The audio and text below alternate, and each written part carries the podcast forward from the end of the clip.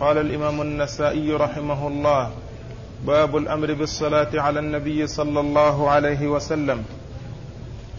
نوع آخر.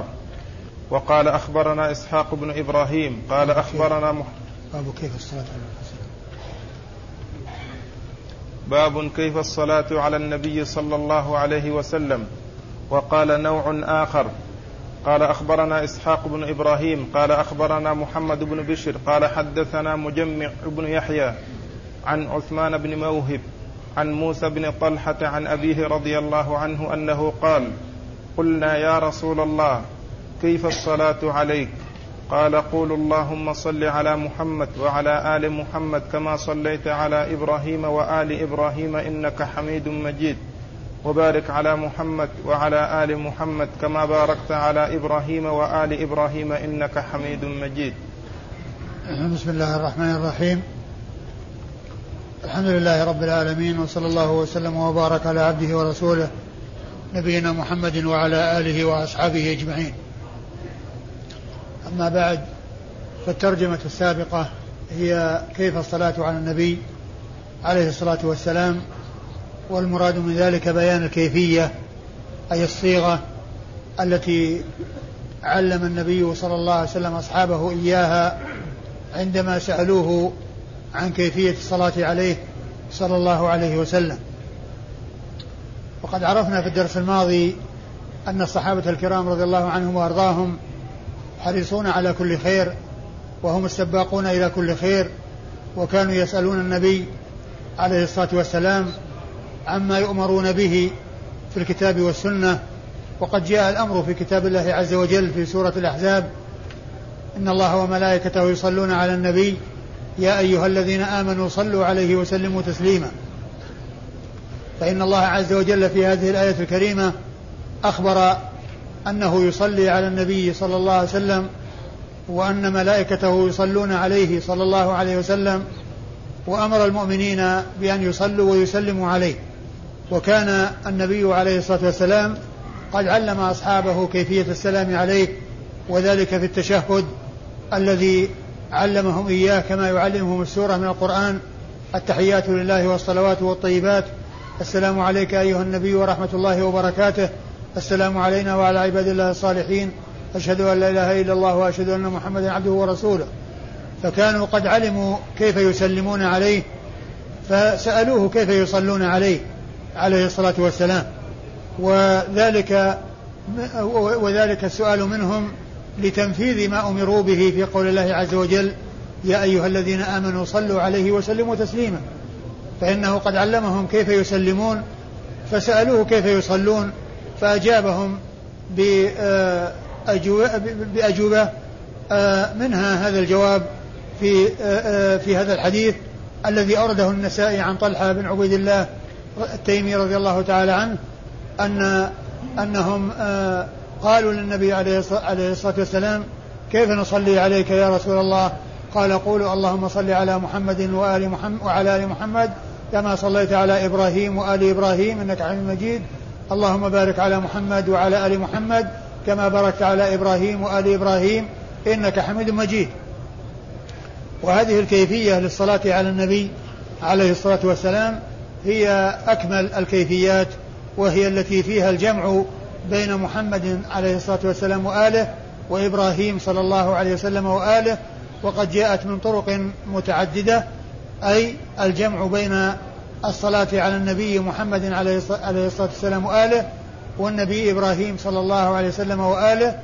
جاء في عدة أحاديث من حديث كعب بن عجرة آه الذي آه فيه أنه أن أن كعبا قال لعبد الرحمن بن أبي ليلى ألا أهدي لك هدية سمعتها من رسول الله صلى الله عليه وسلم؟ قال خرج علينا رسول الله عليه الصلاة والسلام فقلنا قد عرفنا كيف نسلم عليك فكيف نصلي عليك يا رسول الله؟ قال قولوا اللهم صل على محمد وعلى آل محمد كما صليت على إبراهيم وعلى آل إبراهيم إنك حميد مجيد. اللهم بارك على محمد وعلى آل محمد كما باركت على إبراهيم وعلى آل إبراهيم إنك حميد مجيد. وحديث طلحة بن عبيد الله التيمي رضي الله تعالى عنه أيضا هو بمعنى أو بلفظ حديث آه، كعب بن عجرة آه، حيث أن فيه حيث إن فيه الجمع بين النبي بين الصلاة على النبي محمد صلى الله عليه وسلم وآله والصلاة على إبراهيم صلى الله عليه وسلم وآله.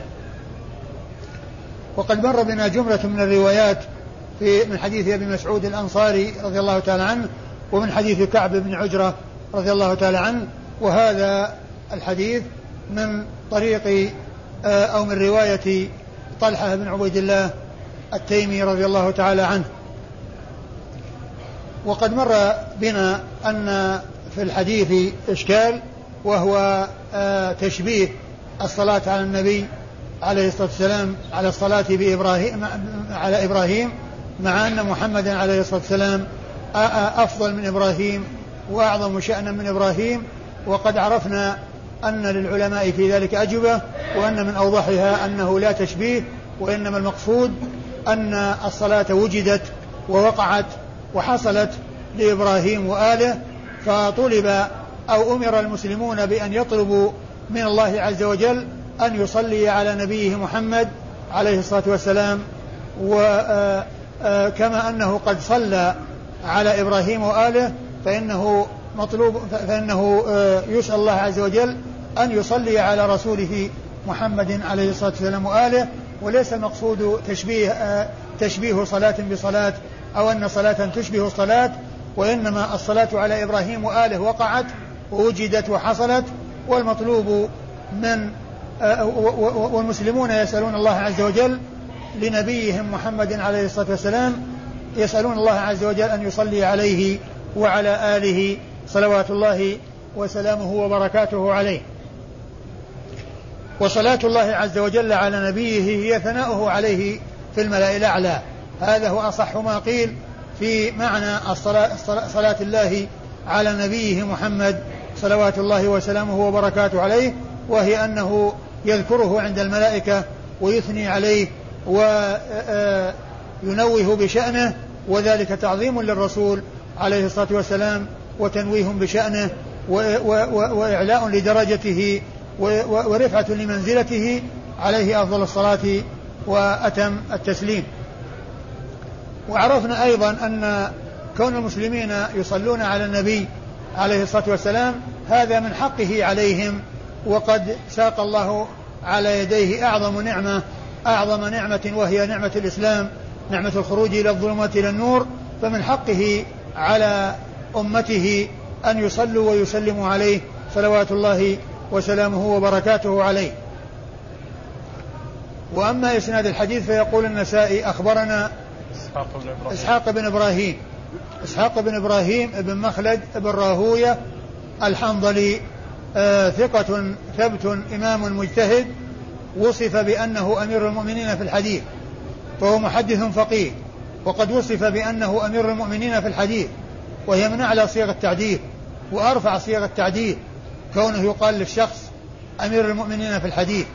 وقد حصل هذا الوصف لعدة لعدد قليل من المحدثين منهم إسحاق بن راهوية هذا ومنهم البخاري ومنهم شعبة بن الحجاج ومنهم سفيان الثوري ومنهم الدار قطني وعدد قليل من المحدثين وصفوا بهذا الوصف الرفيع الذي هو الذي هو آه، آه، وصف الوصف بأمير المؤمنين في الحديث. وإسحاق آه، بن راهوية هذه النسبة وهي راهوية أو هذا ال ال ال هذه الزيادة التي في آخر الاسم وهي الواو والياء والهاء الذي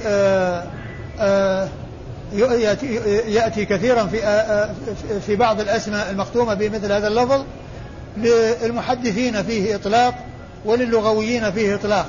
أما إطلاق المحدثين فهم يأتون به على أن الواو ساكنة وما قبلها مضموم والياء بعدها مفتوحة وبعدها هاء فيقولون راهوية.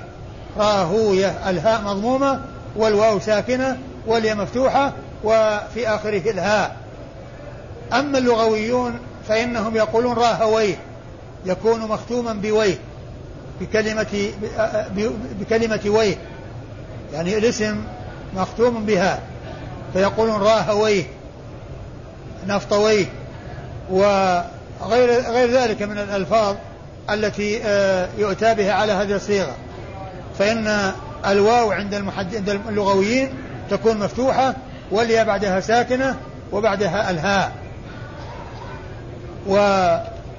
وإسحاق بن راهوية كما أنه محدث آه، قد وصف بهذا الوصف واللقب الرفيع وهو أمير المؤمنين في الحديث فهو من العلماء المجتهدين من الفقهاء. الذين جمعوا بين الفقه والحديث. وحديثه أي حديث إسحاق بن راهوية أخرجه أصحاب الكتب الستة إلا ابن ماجه فإنه لم يخرج له شيئا. عن؟ أخبرنا محمد بن بشر. عن محمد بن بشر العبدي.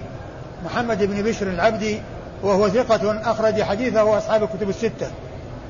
عن مجمع بن يحيى. عن مجمع ابن يحيى وهو صدوق. نعم؟ صدوق نعم. أخرج له مسلم والنسائي. وهو صدوق أخرج له مسلم والنسائي. مجمع بن يحيى صدوق أخرج له مسلم والنسائي. عن عثمان بن موهب. عن عبد الله عن, عن عثمان بن موهب وهو عثمان بن عبد الله. عثمان بن عبد الله بن موهب وهو ثقة أخرج له أصحاب الكتب الستة إلا أبا داود. أصحاب الكتب الستة إلا أبا داود فإنه لم يخرج له شيئا.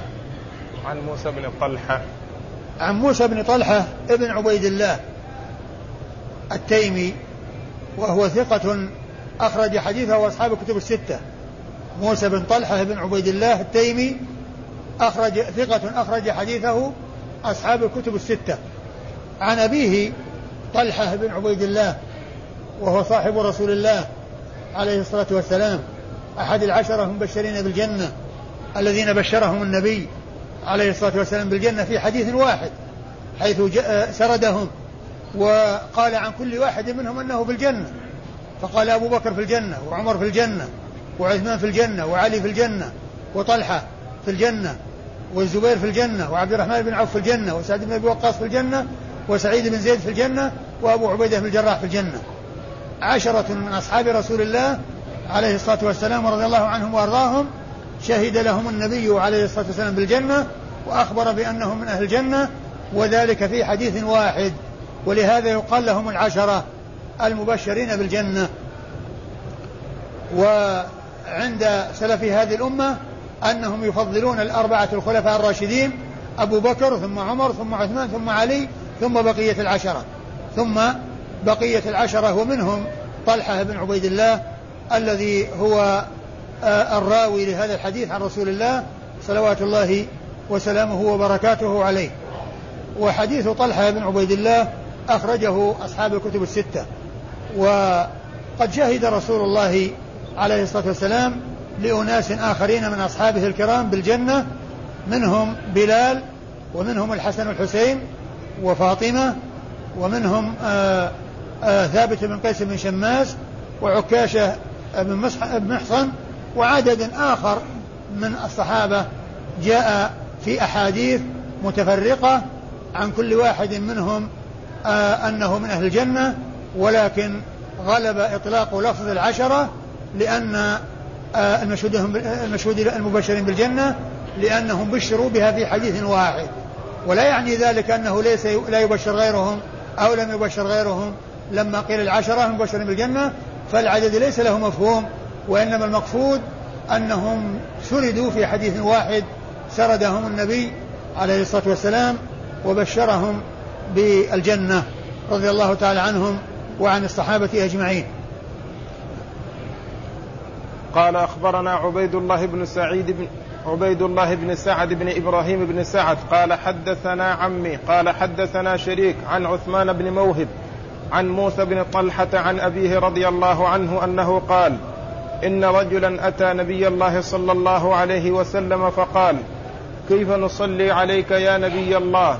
قال قول اللهم صل على محمد وعلى آل محمد كما صليت على إبراهيم إنك حميد مجيد وبارك على محمد وعلى آل محمد كما باركت على إبراهيم إنك حميد مجيد.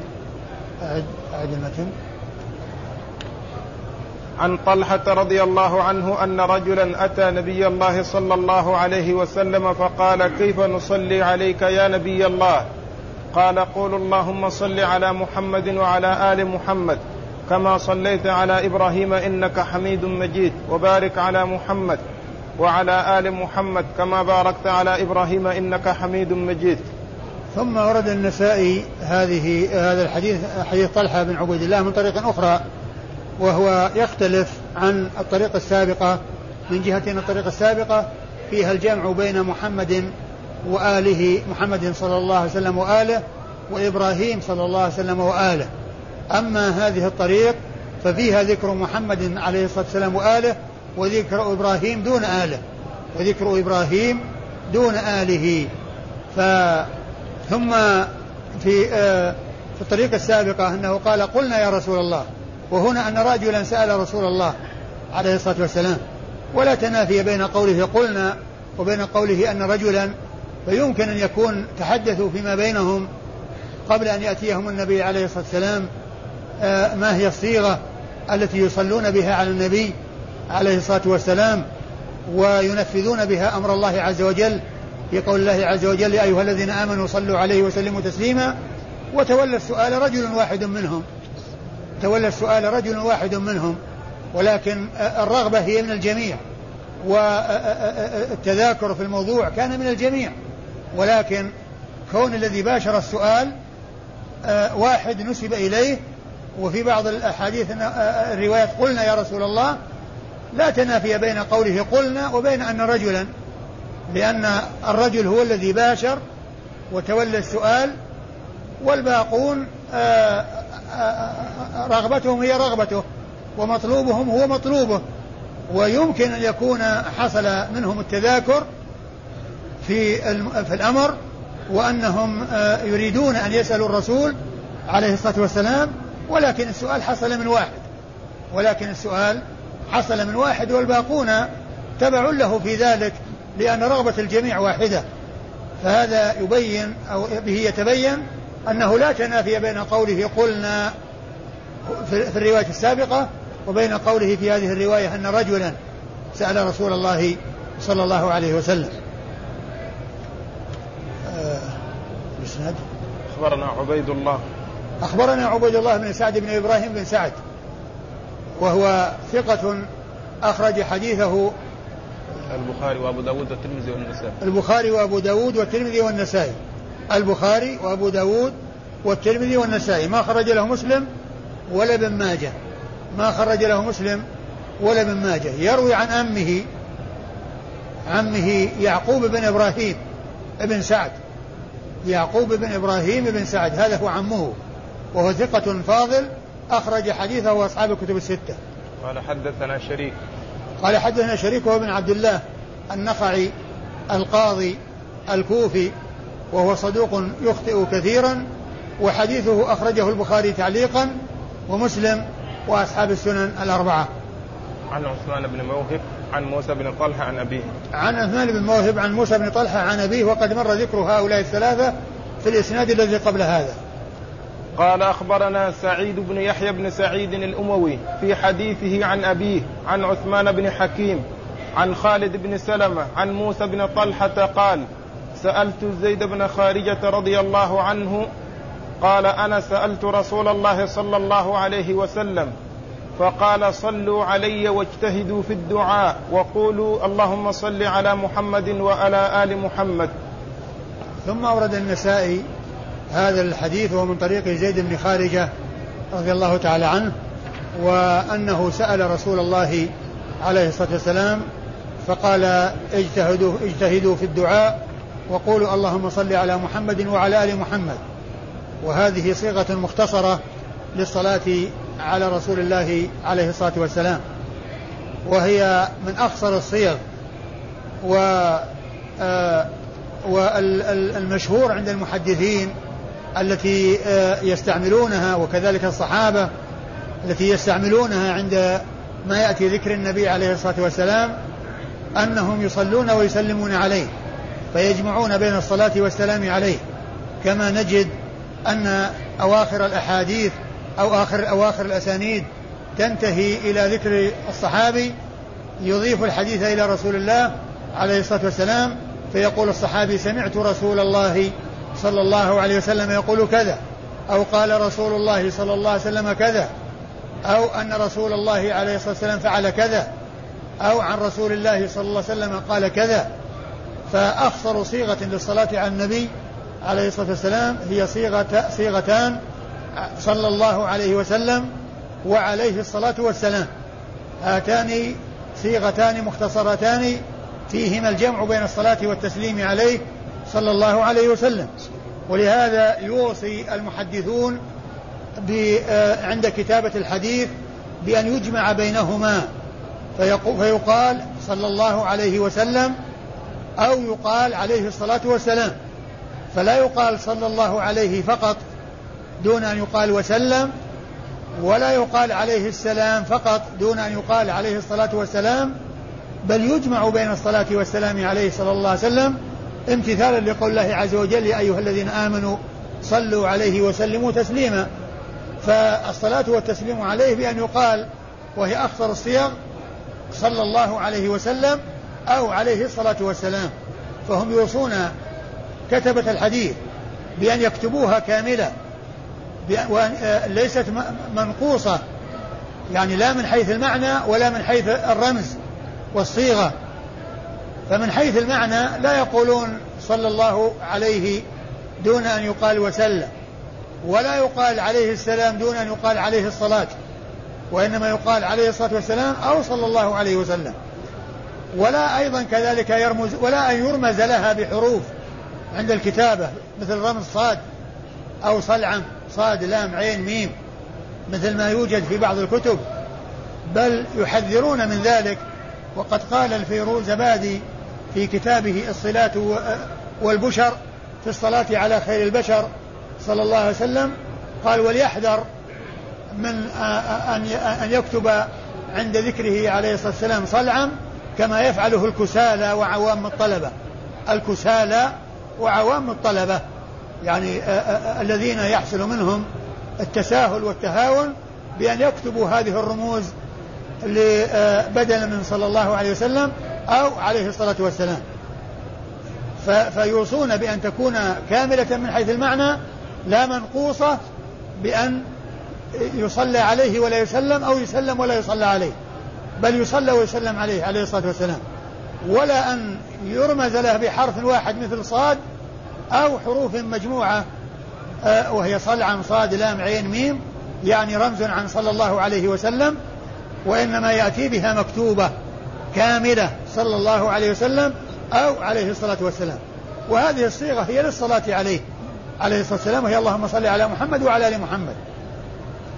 وقد ذكرت فيما مضى أن أكمل الصلوات على الرسول عليه الصلاة والسلام الصلاة التي فيها الجمع بين محمد عليه الصلاة والسلام وآله وإبراهيم صلى الله عليه وسلم وآله والتي جاءت من طريق بعض أصحابه مثل كعب بن عجرة كما جاء في صحيح البخاري ومثل طلحة بن عبيد الله كما مر بنا في سنن النسائي. قال أخبرنا سعيد بن يحيى بن سعيد. أخبرنا سعيد بن يحيى بن سعيد الأموي. وهو آه ثقة آه آه ربما ربما وهم. أخطأ. ربما أخطأ وحديثه أخرجه أصحاب الكتب الستة إلا ابن ماجه. أصحاب الكتب الستة إلا ابن ماجه. أخرجه أصحاب الكتب الستة إلا ابن ماجه فإنه لم يخرج له شيئا. أي ليحيى لسعيد بن يحيى ابن سعيد الأموي وهو يروي عن أبيه وأبوه يحيى بن سعيد الأموي وهو صدوق يغرب وحديثه أخرجه أصحاب الكتب الستة. عن عثمان أخرجه أصحاب الكتب الستة. ويحيى بن سعيد الأموي هو في طبقة يحيى بن سعيد القطان لأنهم من طبقة شيوخ شيوخ أصحاب الكتب الستة. من طبقة شيوخ شيوخ النسائي لأن النسائي هنا يروي عن سعيد بن يحيى عن يحيى. ويروي النسائي عن عن عن يحيى بن سعيد القطان بواسطة. فهما بطبقة واحدة. لكن يميز بين يحيى بن سعيد القطان والأموي أن يحيى بن سعيد الأموي كثيرا ما تأتي روايته من طريق ابنه سعيد كما هنا. فإن سعيد بن يحيى ابن سعيد يروي عن أبيه يحيى بن سعيد الأموي. فهما أي القطان والأموي واسمه والاسم واسم الأب متفقان في طبقة واحدة وهي طبقة شيوخ شيوخ أصحاب الكتب الستة. آه عن عثمان بن حكيم.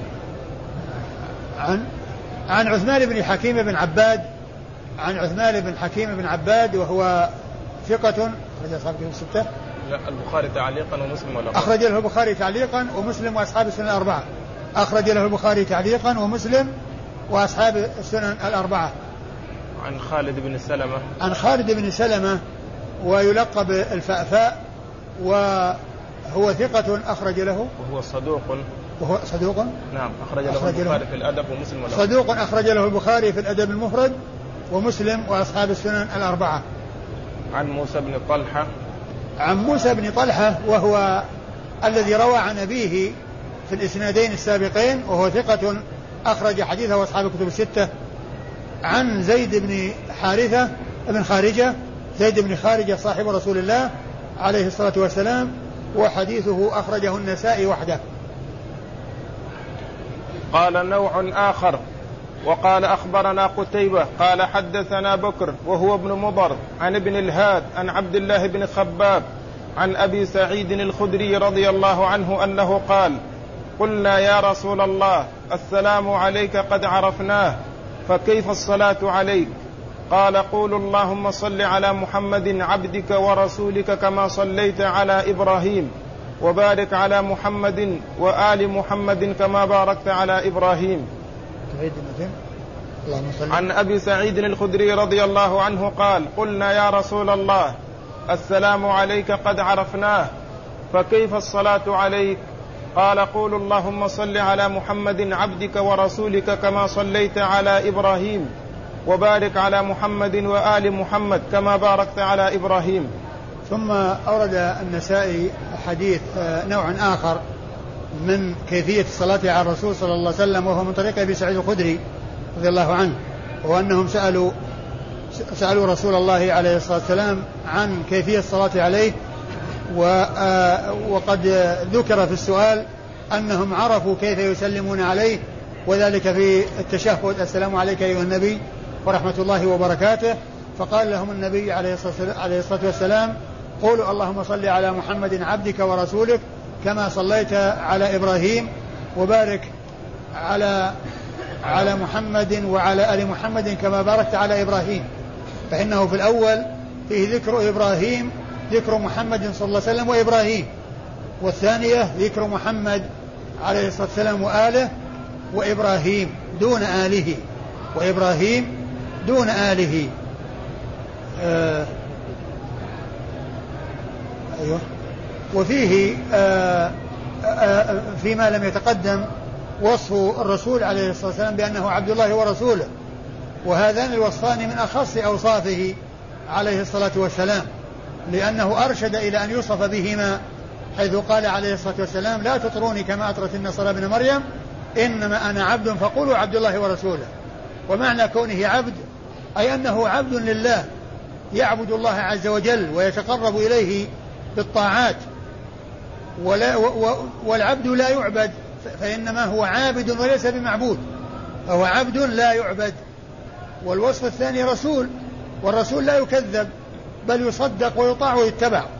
فهو عبد آآ آه، آآ آه، عابد لله عز وجل ولا يعبد ولا يصرف له شيء من أنواع العبادة وهو رسول يصدق ويؤمن بما جاء به ويمتثل كل ما أمر به. وينتهى عن كل ما نهى عنه ويصدق في أخباره فهو عبد لا يعبد ورسول لا يكذب بل يطاع ويتبع. والله عز وجل ذكر وصف وصف العبودية له في أشرف المقامات في آه، إنزال القرآن وفي الإسراء والمعراج وفي آه، تلاوة القرآن كما قال الله عز وجل سبحان الذي أسرى بعبده وقال تبارك الذي نزل الفرقان على عبده وأنه لما قام عبد الله يدعوه ف يعني آه، وصف رسول الله عليه الصلاة والسلام بوصف العبودية في أشرف المقامات فهو عبد الله ورسوله عليه الصلاة والسلام. ولهذا قال في الحديث الذي رواه البخاري في صحيحه لا تطروني كما أطرت النصارى ابن مريم إنما أنا عبد فقولوا عبد الله ورسوله. فأرشد عليه الصلاة والسلام إلى أن يطلق عليه هذا الوصفان ووصف العبودية والرسالة وهما من أخص أوصافه صلوات الله وسلامه وبركاته عليه. وكذلك جاء في الحديث أيضا آه، وصفه بذلك في حديث عبادة بن الصامت حيث قال من شهد أن لا إله إلا الله وحده لا شريك له وأن محمدا عبده ورسوله وأن عيسى عبد الله ورسوله. إلى آخر الحديث. فجمع لمحمد عليه الصلاة والسلام بأنه عبد الله ورسوله وبين ولعيسى بأنه عبد الله ورسوله. وذلك أن النصارى غلت في عيسى عليه الصلاة والسلام حتى عبدوه مع الله وحتى جعلوه ثالث ثلاثة حتى جعلوه ثالث ثلاثة وهو عبد الله ورسوله والرسول عليه الصلاة والسلام هو عبد الله ورسوله وكل منهما عبد لله ورسول الله صلوات الله وسلامه وبركاته عليهما وعلى سائر النبيين والمرسلين عليهم افضل الصلاة واتم التسليم. قال أخبرنا قتيبة. أخبرنا قتيبة. قتيبة هو بن سعيد بن جميل بن طريف البغلاني ثقة ثبت أخرج حديثه وأصحاب الكتب الستة. عن مالك. بكر. عن بكر بن مضر. أي. عن بكر هو ابن مضر. عن بكر هو ابن مضر المصري وهو ثقة آآ آه، آآ آه، ثبت أخرج له أصحاب الكتب الستة إلا ابن ماجه. أيوه. وهو ابن مضر.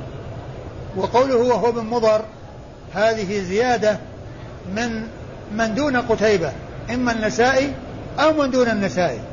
وذلك أن قتيبة الذي هو تلميذه لا يحتاج إلى أن يقول هو بن مضر وإنما يقول هو يقول بكر بن مضر ينسبه كما يريد لأنه آه، شيخه. فلا يحتاج إلى أن يقول هو لكن لما كان قتيبة عند روايته هذا الحديث بهذا الإسناد ما زاد على كلمة بكر. الذي دون قتيبة هو النسائي أو من دون النسائي أرادوا أن يبينوا من هو بكر هذا فأضافوا آه، نسبته ولكن أتوا بصيغة تبين أنها ليست من التلميذ وإنما هي من من دون التلميذ وهي كلمة هو ابن مضر. عن ابن الهاد. عن ابن الهاد وهو يزيد ابن عبد الله بن أسامة بن الهاد. يزيد ابن عبد الله بن أسامة ويقال له ابن الهاد لأن لأن لأن جده كان آه، ينير آه، يعني آه، يشعل النيران في في الفلاة من أجل هداية الناس ومن أجل اهتداء الناس إلى الطريق. أيوه. وهو ثقة مكثر. وهو ثقة أخرج ثقة مكثر أخرج حديثه أصحاب الكتب الستة. عن عبد الله بن خباب.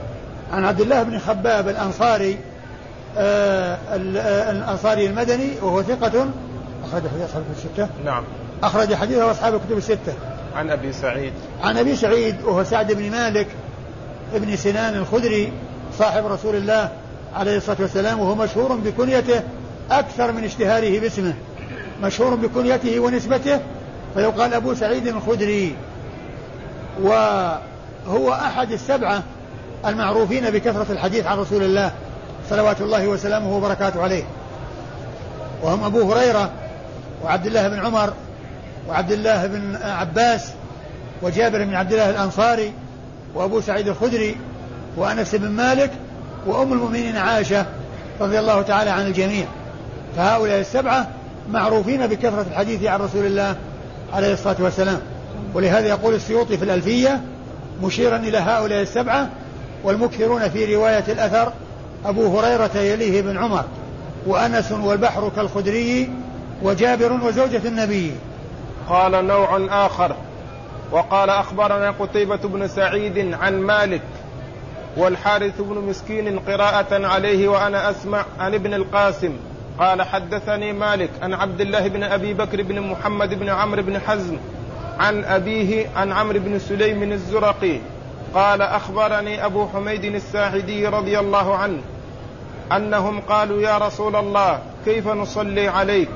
فقال رسول الله صلى الله عليه وسلم قولوا اللهم صل على محمد وأزواجه وذريته في حديث الحارث كما صليت على آل إبراهيم وبارك على محمد وأزواجه وذريته. قالا جميعا كما باركت على آل إبراهيم إنك حميد مجيد. قال أبو عبد الرحمن أخبرنا قتيبة بهذا الحديث مرتين ولعله أن يكون قد سقط عليه منه شطر. ثم ورد النسائي نوع آخر من الصلاة على الرسول عليه الصلاة والسلام وهو من حديث أبي حميد الساعدي رضي الله تعالى عنه وهو ان أنهم سألوا رسول الله عليه الصلاة والسلام كيف الصلاة عليه صلى الله عليه وسلم فقال قولوا اللهم صل على محمد وأزواجه وذريته آه، آه، في حديث آه، الحارث. في حديث الحارث كما صليت على إبراهيم نعم. كما صليت على إبراهيم أو على آل إبراهيم. قال في حديث الحارث كما صليت على آل إبراهيم. أيوه. وبارك على محمد وأزواجه وذريته. قالا جميعا كما باركت على آل إبراهيم. آه الحديث جاء من طريق شيخين للنسائي هما قتيبة بن سعيد والحارث المسكين الحارث المسكين روايته هي الكاملة التي لا نقص فيها وهي اللهم صل على محمد وأزواجه وذريته كما صليت على إبراهيم على آل إبراهيم وبارك على محمد وأزواجه وذريته كما باركت على آل إبراهيم. أما رواية آه، فإنه قال اللهم صل على محمد وأزواجه وذريته كما باركت على آل إبراهيم. يعني معناه ان أن سقط منه الشطر يعني جزء لأن فيه صلاة آه، آه، صلاة على النبي صلى الله عليه وسلم وآل إبراهيم ثم ثم دعاء بالبركة على النبي صلى الله عليه وسلم وآل إبراهيم فحديث آه، الحارث المسكين فيه الجمع بين محمد عليه الصلاة والسلام وأزواجه وذريته وآل إبراهيم في الموضعين. وأما الحار أما قتيبة بن سعيد فإن فيه سقط لأن أول الصلاة وآخره بركة. آخر الصلاة وآخره بركة. اللهم صل على محمد وأزواجه وذريته كما باركت على آل إبراهيم. قال النسائي أخبرنا به قتيبة مرتين ولعله سقط منه الشطر يعني آه، جزء منه في الوسط يتعلق بآخر الصلاة وأول البركة. أول آه، آخر آه، الدعاء بالصلاة وأول الدعاء بالبركة. فصار يعني فصار في رواية قتيبة التي أثبتها النسائي ذكر أول الصلاة وآخر البركة. أول الصلاة وآخر البركة. والحديث المسكين. فيه آه الصلاة والبركة في كل من محمد صلى الله عليه وسلم وأزواجه وكذلك آل إبراهيم. وفي الحديث وهذه الصيغة فيها آه، بدل الآل ذكر الأزواج والذرية. ففيه دلالة على دخول الأزواج في الآل وكذلك الذرية لأنه قال آل يعني في بعض الروايات محمد وآل محمد وفي هذه الرواية محمد وأزواجه وذريته. فهي تفسير أو مشتملة على تفسير آه، للآل. نعم الإسناد؟ الإسناد قال أخبرنا قتيبة بن سعيد. أخبرنا قتيبة بن سعيد عن مالك. قتيبة بن سعيد مر ذكره عن مالك ابن أنس آه إمام دار الهجرة المحدث الفقيه الإمام المشهور أحد أصحاب المذاهب الأربعة المشهورة من مذاهب أهل السنة وهو ثقة متقن آه آه أخرج حديثه أصحاب الكتب الستة ورواية قتيبة عنه عالية. رواية قتيبة عنه عالية لأن قتيبة عمر لأنه ولد في السنة التي مات فيها أبو حنيفة وهي سنة 150 وعاش تسعين سنة فتوفي قبل وفاة الإمام أحمد بسنة واحدة لأنه توفي سنة 240 والإمام أحمد توفي سنة 241 فكانت ولادته في السنة التي مات فيها أبو حنيفة ووفاته في قبل السنة في السنة التي قبل وفاة الإمام أحمد. ولهذا لقي من لم يلقه غيره ممن كان مات في سن مات في السنة التي مات بها أو قريب منها. ولهذا يروي عن مالك. ومالك توفي سنة 179 179 لأن عمره يوم يوم يوم توفى مالك عمره 29 سنة. يعني يعني عمر عمر قتيبة لما توفي مالك 29 سنة. لأن ولادة سنة 150 آه ولهذا يروي عن مالك بل آه آه مر بنا قتيبة أو عن من؟ الذي قبل هذا بكر بن مضر. بكر بن مضر. بكر بن مضر يعني مات قبل مالك. بخمس سنوات أو ست سنوات ومع ذلك أدرك النسائي لأنه أدرك أم النسائي قتيبة. قتيبة أدرك مالك وأدرك من كان أكبر من مالك من توفي قبل مالك. والحديث والإسناد الثاني والحارث المسكين نعم. قراءة عليه وأنا أسمع؟ نعم. ولفظ له؟ لا. قراءة عليه وأنا أسمع. الحارث المسكين هو الحارث المسكين المصري. وهو ثقة والنسائي عن عن ابن القاسم. عن ابن القاسم عبد الرحمن بن القاسم. عبد الرحمن بن القاسم آه وهو ثقة أخرج حديثه البخاري وأبو داود في المراسيل والنسائي عن مالك. وهنا يتبين أن الطريقة الثانية أنزل من الطريقة الأولى. لأن يعني الطريقة الأولى بين النسائي وبين مالك شخص واحد. وهنا بين النسائي وبين مالك شخصين. وهم الحارث المسكين وعبد الرحمن بن القاسم. وعبد الرحمن بن القاسم فالطريقة الأولى عالية والطريقة الثانية نازلة. أيوه. قال حدثني مالك. أه قال حدثني مالك. نعم. أيوه.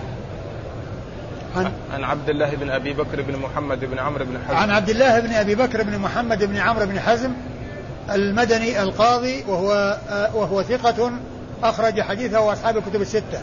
عن, عن أبيه أبي بكر ابن محمد بن عمرو بن حزم وهو المدني وهو المدني وقيل إن اسمه كنيته وهو ثقة أخرج حديثه أصحاب الكتب الستة. عن عمرو بن سليم الزرقي. عن؟ عن عمرو بن سليم الزرقي. عن عمرو بن سليم الزرقي وهو ثقة أخرج حديث أصحاب الكتب الستة. نعم. ها؟